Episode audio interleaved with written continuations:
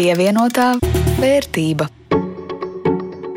Sveiciens pirmdienā, ētrā raidījums pievienotā vērtība par un ap naudu, ekonomiku, uzņēmējdarbību un visu, kas ar to saistās. Ar jums kopā Jānis Rāmāns no Latvijas radio un Rudīts Pakauska no Latvijas televīzijas. Par ko šodien? Par to, kā strādāt, lai nekaitētu sev fiziski un mentāli. Skatīsimies, kā veidies mūsu Baltijas biržas portfeļos un dziļāk pētīsim vienu no Igaunijas bankām. Pievienotā vērtība. Par aktuālo runājot, kāds ir noskaņojums Jānis? Krīt uz nerviem tā mājasēde. Nav jau dzīvē nekas tāds būtiski mainījies, bet tas stresiņš apkārt, mazliet arī neskaidrība, šaubas un, jāteic, arī dusmas, mirušo un inficēto skaits um, nekādas pozitīvās emocijas neraisa. Jā, nu līdzīgi arī uzņēmējiem. Oktobrī uzņēmēji noskaņojas pozitīvs vairs tikai apstrādes rūpniecībā, autoremonta darbnīcā un autodetaļu tirgotājiem. Visai pesimistiski par nākotni un par esošo situāciju ir pārtiks preču degvielas tirgotāji, kurus gan nu, pārāk būtiski ierobežojumi neietekmē. Pakalpojumu nozarē noskaņojums turpina pasliktināties, jo daudzas no tā apakšnozarēm būtiski ietekmē ierobežojumi, bet tie, kuriem ierobežojumi iet secen, tie kļūst aizvien optimistiskāki. Piemēram, datorprogrammēšanas un apdrošināšanas nozares. Tur viss labi. Interesanti ir ar būvniekiem, kuri stabili negatīvi savā pārliecībā, viss ir slikti. Bet nevis tāpēc, ka trūktu pasūtījumu vai māju, ko būvēt, bet tāpēc, ka lielas bažas ir par darba spēka, materiālu un iekārtu trūkumu. Vēl daļu uztrauc izēvielu un energoresursu cenu kāpums, bet vienlaikus noskaņojumu uzlabo pārliecība, ka arī par pašu darbu un saražotajiem produktiem cena turpmākajos mēnešos kāps. Par energoresursu cenu kāpumu runājot, Eiropas komisija jau pirms pāris nedēļām teica, ka valsts drīkst šo enerģijas cenu krīzi pārvarēt, palīdzot gan iedzīvotājiem, gan uzņēmumiem. Bet Latvijas ekonomikas ministrija pārāk nesteidzas, nu, drīzāk nogaida. Esot pārunāta doma par iespēju samazināt elektrības nodokli, tomēr šādu priekšlikumu valdībai pagaidām nevirzīšot. Pamatojums nevar apgalvot, ka šeit uzņēmumiem klātos kā īpaši sliktāk nekā citur, jo elektrības cenas kāpj ne tikai Latvijā. Nu, sausais atlikums tad šobrīd cenas kāps, un beigu beigās par to visu samaksās gala patērētājs. Tas ir ik viens no mums. Par to, kas kuram jādara un cik jāmaksā, aizdītajās brīvdienās sprieda pasaules bagātāko valstu līderu un centrālo banku vadītāji G20 sarunās Romā. Nolēma ieviest globālu minimālā uzņēmuma ienākuma nodokļa likmi 15%. Šo ideju atbalsta vēl vismaz 140 pasaules valstis. Nodokļu mērķis ir piespiest tādas globālas kompānijas kā Apple un Google maksāt vairāk no savas bagātības. Piemēram, lai gan abi iepriekš minētie dibināti ASV, tie izmanto lēto nodokļu zemes, lai maksātu mazākus nodokļus. Vēl G20 valstu samitā panāks izlīgums starp ASV un Eiropas Savienību tērauda un alumīnija ievedmuitas strīdā. Tie tiks atcelti. Pirms trim gadiem nodokli ieviesa Donalds Trumps. Eiropa trīs gadus padomāja un draudēja no 1. decembra lielākus nodokļus uzlikt tādiem amerikāņu nacionālajiem lepniem kā Harley Davidson motocikli, Līvais džins un Kentucky Bourbons. Jāteic gan, ka daudzas valstis tieši samazinot nodokļus šādus milžus pie sevis ir centušās dabūt, vienu otru cenšoties pārspēt, bet galu galā ar šo konkurenci panākts tas, ka šādi uzņēmumi atpakaļ sabiedrībai atdod aizvien mazāk un mazāk naudas pievienotā vērtība. Bet nu, šajā kārtējā īpatnējā maistrādes laikā, kas ir ergonomiska darba vide? Nu, pirmā atbilde - piemērots krēsls, dažādi tehniskie palīgi līdzekļi, pareizi novietoti monitori, klaviatūras, strādājoša pele. Jā, tas viss ir, protams, daļa no cilvēkiem piemērotas darba vidas, bet ne tuvu ne viss, kā var noprast no Latvijā labākās prakses piemēriem, kurus prezentē darba aizsardzības konferencē strādā gudrāk birojā. Bet klasiskie ergonomikas principi jāņem vērā arī mājās. Nu, un te jautājums tev, Jāni, desmit baļu sistēmā, cik tu no ergonomikas viedokļa dotu savam mājas birojam? Savu darba vietu es droši vien novērtētu uz kādu četrnieku. Brītiņu pastrādāt var, bet ilgstoši un Latvijas radio ēterā pilnīgi noteikti no mājām nevarētu pastrādāt. Nu, man es teiktu, ir kādas septiņi. Monitora augstums ne tas, un gaisma nedaudz neveiksmīgi krīt tieši datora ekrānā. Bet šīs problēmas ir daudziem darbiniekiem un uzņēmējiem. Jau pirms vairāk nekā gada attālinātajam darbam izplatoties, runājām par attālinātā darba vajadzībām. Bet teikt, ka nu jau viss tur ir brīnišķīgi, nevar. Tā arī Maksima, veicot attālinātā darba vietu novērtējumu, viņa lūdz darbiniekiem atsūtīt bildīti, kā viņa darba vieta izskatās, atklāja, ka ne viss ir ideāli.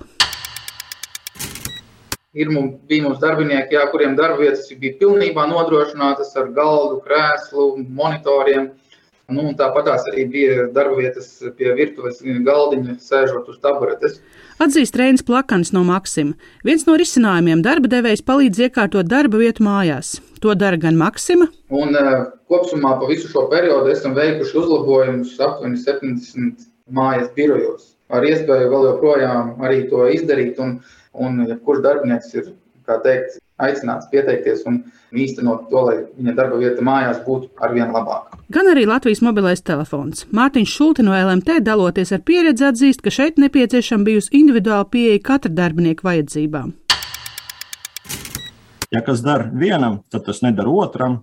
Tāpēc papildus visam LMT materiāli atbalstiet darbiniekus, lai darbinieki varētu mājās iekārtot ergonomiskas sev pielāgotas darba vietas, lai var nopirkt dažādus gadgetus un sev piemērotus palīglīdzekļus. Materiālais atbalsts sasniedz ikvienu darbinieku, un nomaksājot nodokļus, bija 212,75 eiro apmērā. Bet, nu, kā tajā vecajā sakāvārdā, zirgu pie ūdens pievest var, bet piespiest dzert nē. Nu, tā arī darba vietās. Reizēm jāsaskarās ar situāciju, ka darbiniekam iekārto ergonomisku darba vidi, bet gaidītā prieka vietā neizpratnes pilns skatiens bieži vien bija tas, ka cilvēks tur būtās tik pie tās ergonomiskās vidas, bet nevienmēr viņiem bija tā sapratne, kā to lietot, vai arī pierod pie tā, ka galds ir vienā augstumā un kāpēc viņš, teiksim, jāatceļ stāvus. Tā stāsta Mārtiņš Rikmans no tiesu administrācijas. Viņu risinājums individuāls sarunas ar darbiniekiem klātienē un attālināti, skaidrojot un rādot, kā uzlabojumus lietot un kā tie palīdz principā individuālās instruktāžas tik tiešām nostrādāja. Un arī tas, ka tu vairāk iepazīsti tos darbiniekus, un uz to mēs arī mēģinām arī iziet. Principā. Tomēr patiesi ergonomiska darba vide ar krēslu un monitoru vien nav panākama. Kā rāda uzņēmēja pieredzes stāsts, jau sen ir jādomā plašāk, un tā nav tikai Latvijas mērogā liela uzņēmuma privilēģija. Tā liepājas rast, kas ir atkrituma apsaimniekotājs, domā par to, kā palīdzēt darbiniekiem justies labi, ja lielākā daļa darba jāpavada sēžot. Papildu tādām klasiskām lietām kā vingrošana, blakus birojam ir arī zivju dīķis un dārzs. Turpina Inese Brūdere. Piemēram, tie ir tā saucamais terapeitiskais dārzs, kuru mēs veidojam, mēs stādām augļu kokus, mēs viņus kopjam vai ogulājus. Tāpat arī mūsu puķu dobas ir pašu darbinieku veidotas vai garšaugu dobas, vai tepat man aiz muguras ir novākti jau mūsu audzētie dārzeņi, kabači un ķirbi. Tā ka tas viss ir ar mērķi veidot ergonomisku darba vidi, līdzsvarot garīgu darbu, sēdošu darbu, kas rada savus izaicinājumus un problēmas ar fizisku darbu. Bet IT uzņēmumā Wunder pavisam maza iniciatīva piecu gadu laikā krietni izaugusi un arī ļaus pašiem saprast, kā labāk veidot dažādas darbinieku atbalsta programmas. Lūk, Ilza Zariņš no Wunders stāstīties par to, kā uzņēmums izvēlējās patiešo veicināt darbinieku sportošanu, nevis paļauties uz veselības apdrošināšanas polisēs ietverto. Mūsu gadījumā mēs sākām 2016. gadā, un tas bija tāds maziņš projektiņš, atbalstīt darbinieku dalību dažādos sporta pasākumos, velomaratonu, skriešanas pasākumi, viss kaut kas, kur var dabūt kaut kādas godalgas un kā, pārbaudīt savu varēšanu. Un 2016. gadā Mēs sapratām, ka patiesībā šo bonusu izmanto ļoti maz cilvēku skaits. Un, un 2018. gadā mēs papildinājām šo sedzamo pakalpojumu klāstu, ka tu vari tērēt šo 100 eiro jebkādām sportiskajām aktivitātēm. Un tad uzreiz pieauga dalībnieku skaits. Un šeit ir šī izvēles brīvība, jo katrs darbinieks var izvēlēties, vai viņš vēlās iet slidot, vai tā ir peldēšana, vai tās ir pilates, jogā, Un, uh, un tad, protams, atnāca Covid. Un bez dažādas iestādes tika slēgtas uz kaut kādu laiku, nebija pieejamas sporta zāles, peldbaseini un tam līdzīgi. Un 20. gadā tas ir pagājuši, kad mēs pielāgojāmies un šo, zinājām, ka šo bonusu nevar iztērēt pēc tādām fiziskām aktivitātēm. Mēs piedāvājam darbiniekiem šo naudu, tie, kas vēlās, iztērēt un iegādāties dažādas papildu ierīces mājas, sporta zāles iekārtošanai, dažādas gumijas, paklājiņus, sēdēšanas, vingrošanas bumbas un visu kaut ko tādu. Un darbinieki bija ļoti priecīgi par šo iespēju. Mēs ceram, ka vēl aizvien turpina aktīvi nodarboties arī no mājām. Un šogad, zinot, ka Covid vēl aizvien šeit ir un tik aktīva dzīve kā bija iepriekš vēl nav paredzama, tad mēs saglabājām šo iespēju, ja kāds vēlās papildināt sporta zāli mājās. Un kā vēl papildinājumu visam pārējiem, ir šie sporta treniņi tiešsaistē un dažādi sporta lietotņu abonementi, jo, ja tu gribi, lai tev ir tāds virtuālais sporta treneris, tad šīs aplikācijas maksā, un mēs esam gatavi arī šos uh, izdevumus sekt ar mūsu Wunderbonus.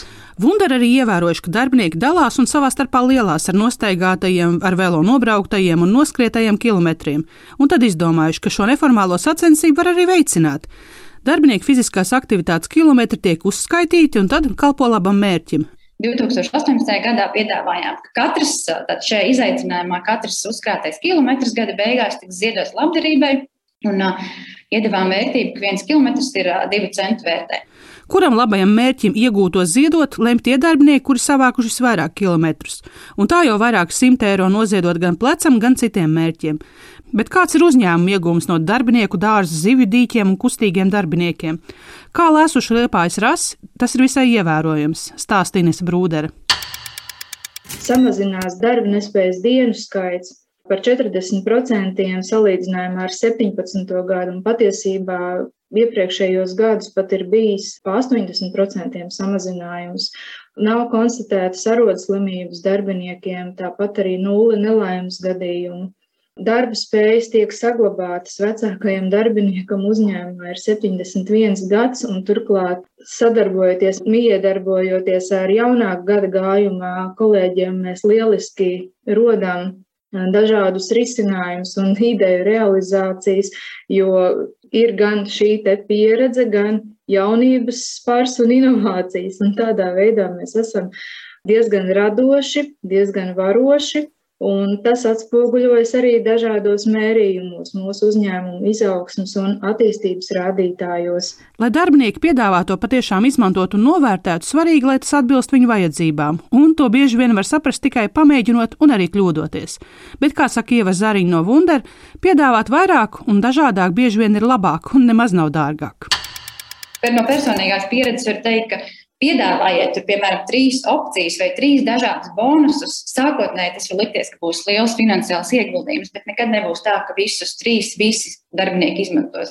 Tā kā tu sadalīsies, trešdaļa izmantos vienu, ceturdaļa varbūt tikai otru, un finansiāli tas arī nav nemaz tik liels trieciens uzņēmuma budžetam, ja piedāvā dažādību pievienotā vērtība. Bet kāda tad bijusi aizdītā nedēļa Baltijas biržās? Neliels kritums Viļņā, maziņš kāpums Rīgā un nedaudz lielāks Tallinā. Bet visvairāk tirgotās akcijas jaunpienācējs Enefit Green. Tās tirgots par gandrīz 7 miljoniem eiro, bet cena kritus par 2,73%. Otrajā vietā Šauļu banka pārdošanas apjoms 3,5 miljonu, cenai 2,5% kāpums.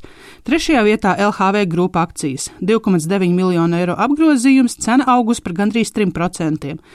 Un te nu jāprast, zinu, ka arī tu Jāni iegādājies Enefit Green akcijas. Kā tad klājas tavam portfelim? Kopumā manā portfelī aizdītā nedēļa neko būtisku nav mainījusi. Kaut kas uz augšu, kaut kas uz leju, bet tādas normas robežās un ienesīgums līdz ar to turas 60% plusā. Un kā klājas tev virsmu akcijas? Taču iegādājies vai ne?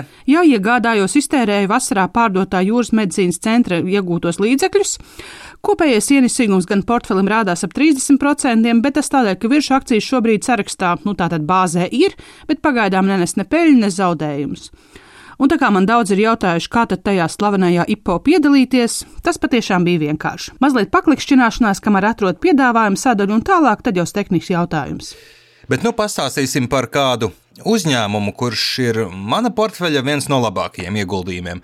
Banku un mazumtirdzniecības tīkls vienvieta - uzņēmums Kūpanka ir viena no piecām universālajām bankām, kas darbojas Igaunijā, izmanto sinerģiju, kas rodas starp mazumtirdzniecību un bankas pakalpojumiem. Bankas strateģiskais akcionārs ir vietējā mazumtirdzniecības ķēde Kūpa Estonija, 330 veikali viņiem ir un aptuveni 600 tūkstoši lojālu klientu. Un plašāk par šo biržas uzņēmumu vai tajā vērts ieguldīt Lindas Zalāns veidotajā ierakstā. Igaunijas uzņēmums Kūpank ir banka, kas ieņem specifisku nišu un ir īpaši ar to, ka lielākais igauņu mazumtirdzniecības tīkls Kūp Estonija to iegādājās pirms uzņēmumu iekļāva biržā 2019. gada decembrī. Invilu pensiju fondu valdes priekšsēdētājs Andrejs Martīno stāsta, ka mazumtirdzniecības tīkla klientiem tiek piedāvāts noformēt patēriņa kredītu Kūpank un šis biznesa modelis piesaist uzmanību. Eksperts uzsver, ka vienmēr biržā ir kāda modes tendence, kas piesaista biržas investoru uzmanību. Var teikt, ka pēdējā laikā šī ir viena no tām akcijām, kura piesaistīja uzmanību un tādā, nu, pat netipiski lielu tādu uzmanību. Un, ja mēs paskatāmies to uzņēmumu novērtējumu, pat cik viņu novērtē, nu, tad, kā lai saka, augsts novērtējums un diezgan dārga akcija. Tas dārgums, nu, tiek stimulēts un attaisnots uh, ar tiem rādītājiem, ka banka aug savos ieņēmumos pa 20-30% gada. Peļņas ziņā pat 3 ciparu procentu, un tur plus 100% gandrīz vai. Biržas investori mazāk novērtē šī brīža situāciju, bet vairāk skatās uz perspektīvu nākotnē. Un šobrīd šķiet, ka bankas biznesa modelis ir sevi attaisnojis un uzrāda panākumus. Investori un tie, kuri iegulda naudu savus līdzekļus šajā akcijā, viņi saskata, ka tās tēmas turpinās uh, uzturēties tāda paša līmenī, pat varbūt pieaugs, un ka nu, tās perspektīvas ir ļoti pozitīvas. Un arī tā apkārtējā vide šobrīd un tas uh, patēriņa pieaugums, ko mēs uh, redzam visas, uh, visa pasaulē un uh, Baltija un Igaunija, tas ir tas vējš, kas pūš vēl papildus tā kā mugura šai akcijai un šim uzņēmumam un tā kā virza viņus uz priekšu. Šobrīd uzņēmums vēl nav izmaksājis dividendes, bet Andrēs Martinovs, vērtējot citu biržā esošo banku dividendžu ienesīgumu, secina, ka tas nav ļoti pievilcīgs zem 1%. Un šobrīd tas lielākais, kas saka, peļņas vai vērtības pieaugums ir tieši no akciju cenas kāpuma. Ja? Nu, es teiktu tā, ka ja domāt par ieguldījumiem tieši šajā emitentā, nav jādomā par dividendiem, jo priekš nu, tādā ziņā ir labāki varianti, gan Baltija, gan arī Latvija varbūt, jā, ja? bet jāskatās tieši no tā pieauguma, no biznesa attīstības viedokļa, ja? un vērtības pieauguma. Tur būs tā potenciāla peļņa uz ko var cerēt. Uzkrājuma un ieguldījuma eksperts Kaspars Pēcinieks akcentē, ka Kūpbanka akcijas cena iepriekšējā gadā pieaugusi par 197%, jeb gandrīz trīs reizes, kas, protams, ir ļoti iespaidīgs pieaugums. Un, ja mēs paskatītos kopš IPO brīža, kas norisinājās 19. gada decembrī, tad īstenībā gadu šīs akcijas, mums teikt, uz vietas mīņājās, un, un pēc tam tad noticis šis milzīgais pieaugums. Un uh, tas pamatojams ar uh, labiem finanšu rezultātiem. Ja salīdzinām šī gada pirmo deviņu mēnešu rezultātus ar attiecīgajiem periodiem iepriekšējos divos gados, tad skaidri redzam nozīmīgi izaugsmi visos būtiskākajos rādītājos. Izteikto kredītu apmēru salīdzinot ar 19. gadu ir audzis vairāk nekā divas reizes, un tāpat tās arī operatīvie ienākumi ir auguši par 78%, savukārt neto peļņas apmērs ir audzis vairāk nekā divu ar pus reizi. Tāpat turpina uzlaboties bankas darbībai raksturojušie rādītāji gan kapitāla atdevu, gan arī atdevu uz bankas aktīviem. Turklāt pēcinieks prognozē, ka nākotnē bankas attīstība vēl turpināsies. Ja šobrīd COP banka tirgus daļa ir apmēram 4% aizņēmumu daļā un 3,5% depozīta daļā. Mēs saprotam, ka ir vēl e, vieta, kur augt. Nevien e, augot kopā ar ekonomikas ātrumu, bet vēl turpinot pārņemt tirgus daļu no citiem spēlētājiem. Un kopumā man COP banka akcijas izskatās pievilcīgs ieguldījums tādam ieguldītājam, kuram interesē izaugsme, kurš ir gatavs arī riskēt ar savu kapitālu, jo Visticamāk, pašreizējā cenā jau ir iecenota diezgan strauja izaugsme jau uz priekšu. Savukārt, nu, lai šī cena būtu vēl augstāka, tad būtu uzņēmumi jāaug vēl straujāk nekā viņš to dara jau šobrīd. Tāpat laikā pēcinieks vērš uzmanību uz to, ka ieguldītājiem ir jārēķinās, ka kupanka izaugsme būs lēnāka vai izaugsmes tēmas sāks bremzēties, tad ir iespējama arī diezgan strauja akcijas cenas kustība uz leju pat par vairākiem desmitiem procentu punktu. Linda Zalāne, Latvijas radio. Pievienotā vērtība. Ar to arī izskan 1. novembra raidījums pievienotā vērtība. To veidoja Rudīts Pakausks no Latvijas televīzijas un Jānis Ramāns no Latvijas radio. Atgādināšu, ka mūs var dzirdēt arī radio arhīvā un jūsu iecienītākajās raidierakstu vietnēs. Un, protams, ja jums ir jautājumi, ieteikumi, idejas, gan man, gan Rudīti var atrast dažādās sociālo tīklu vietnēs.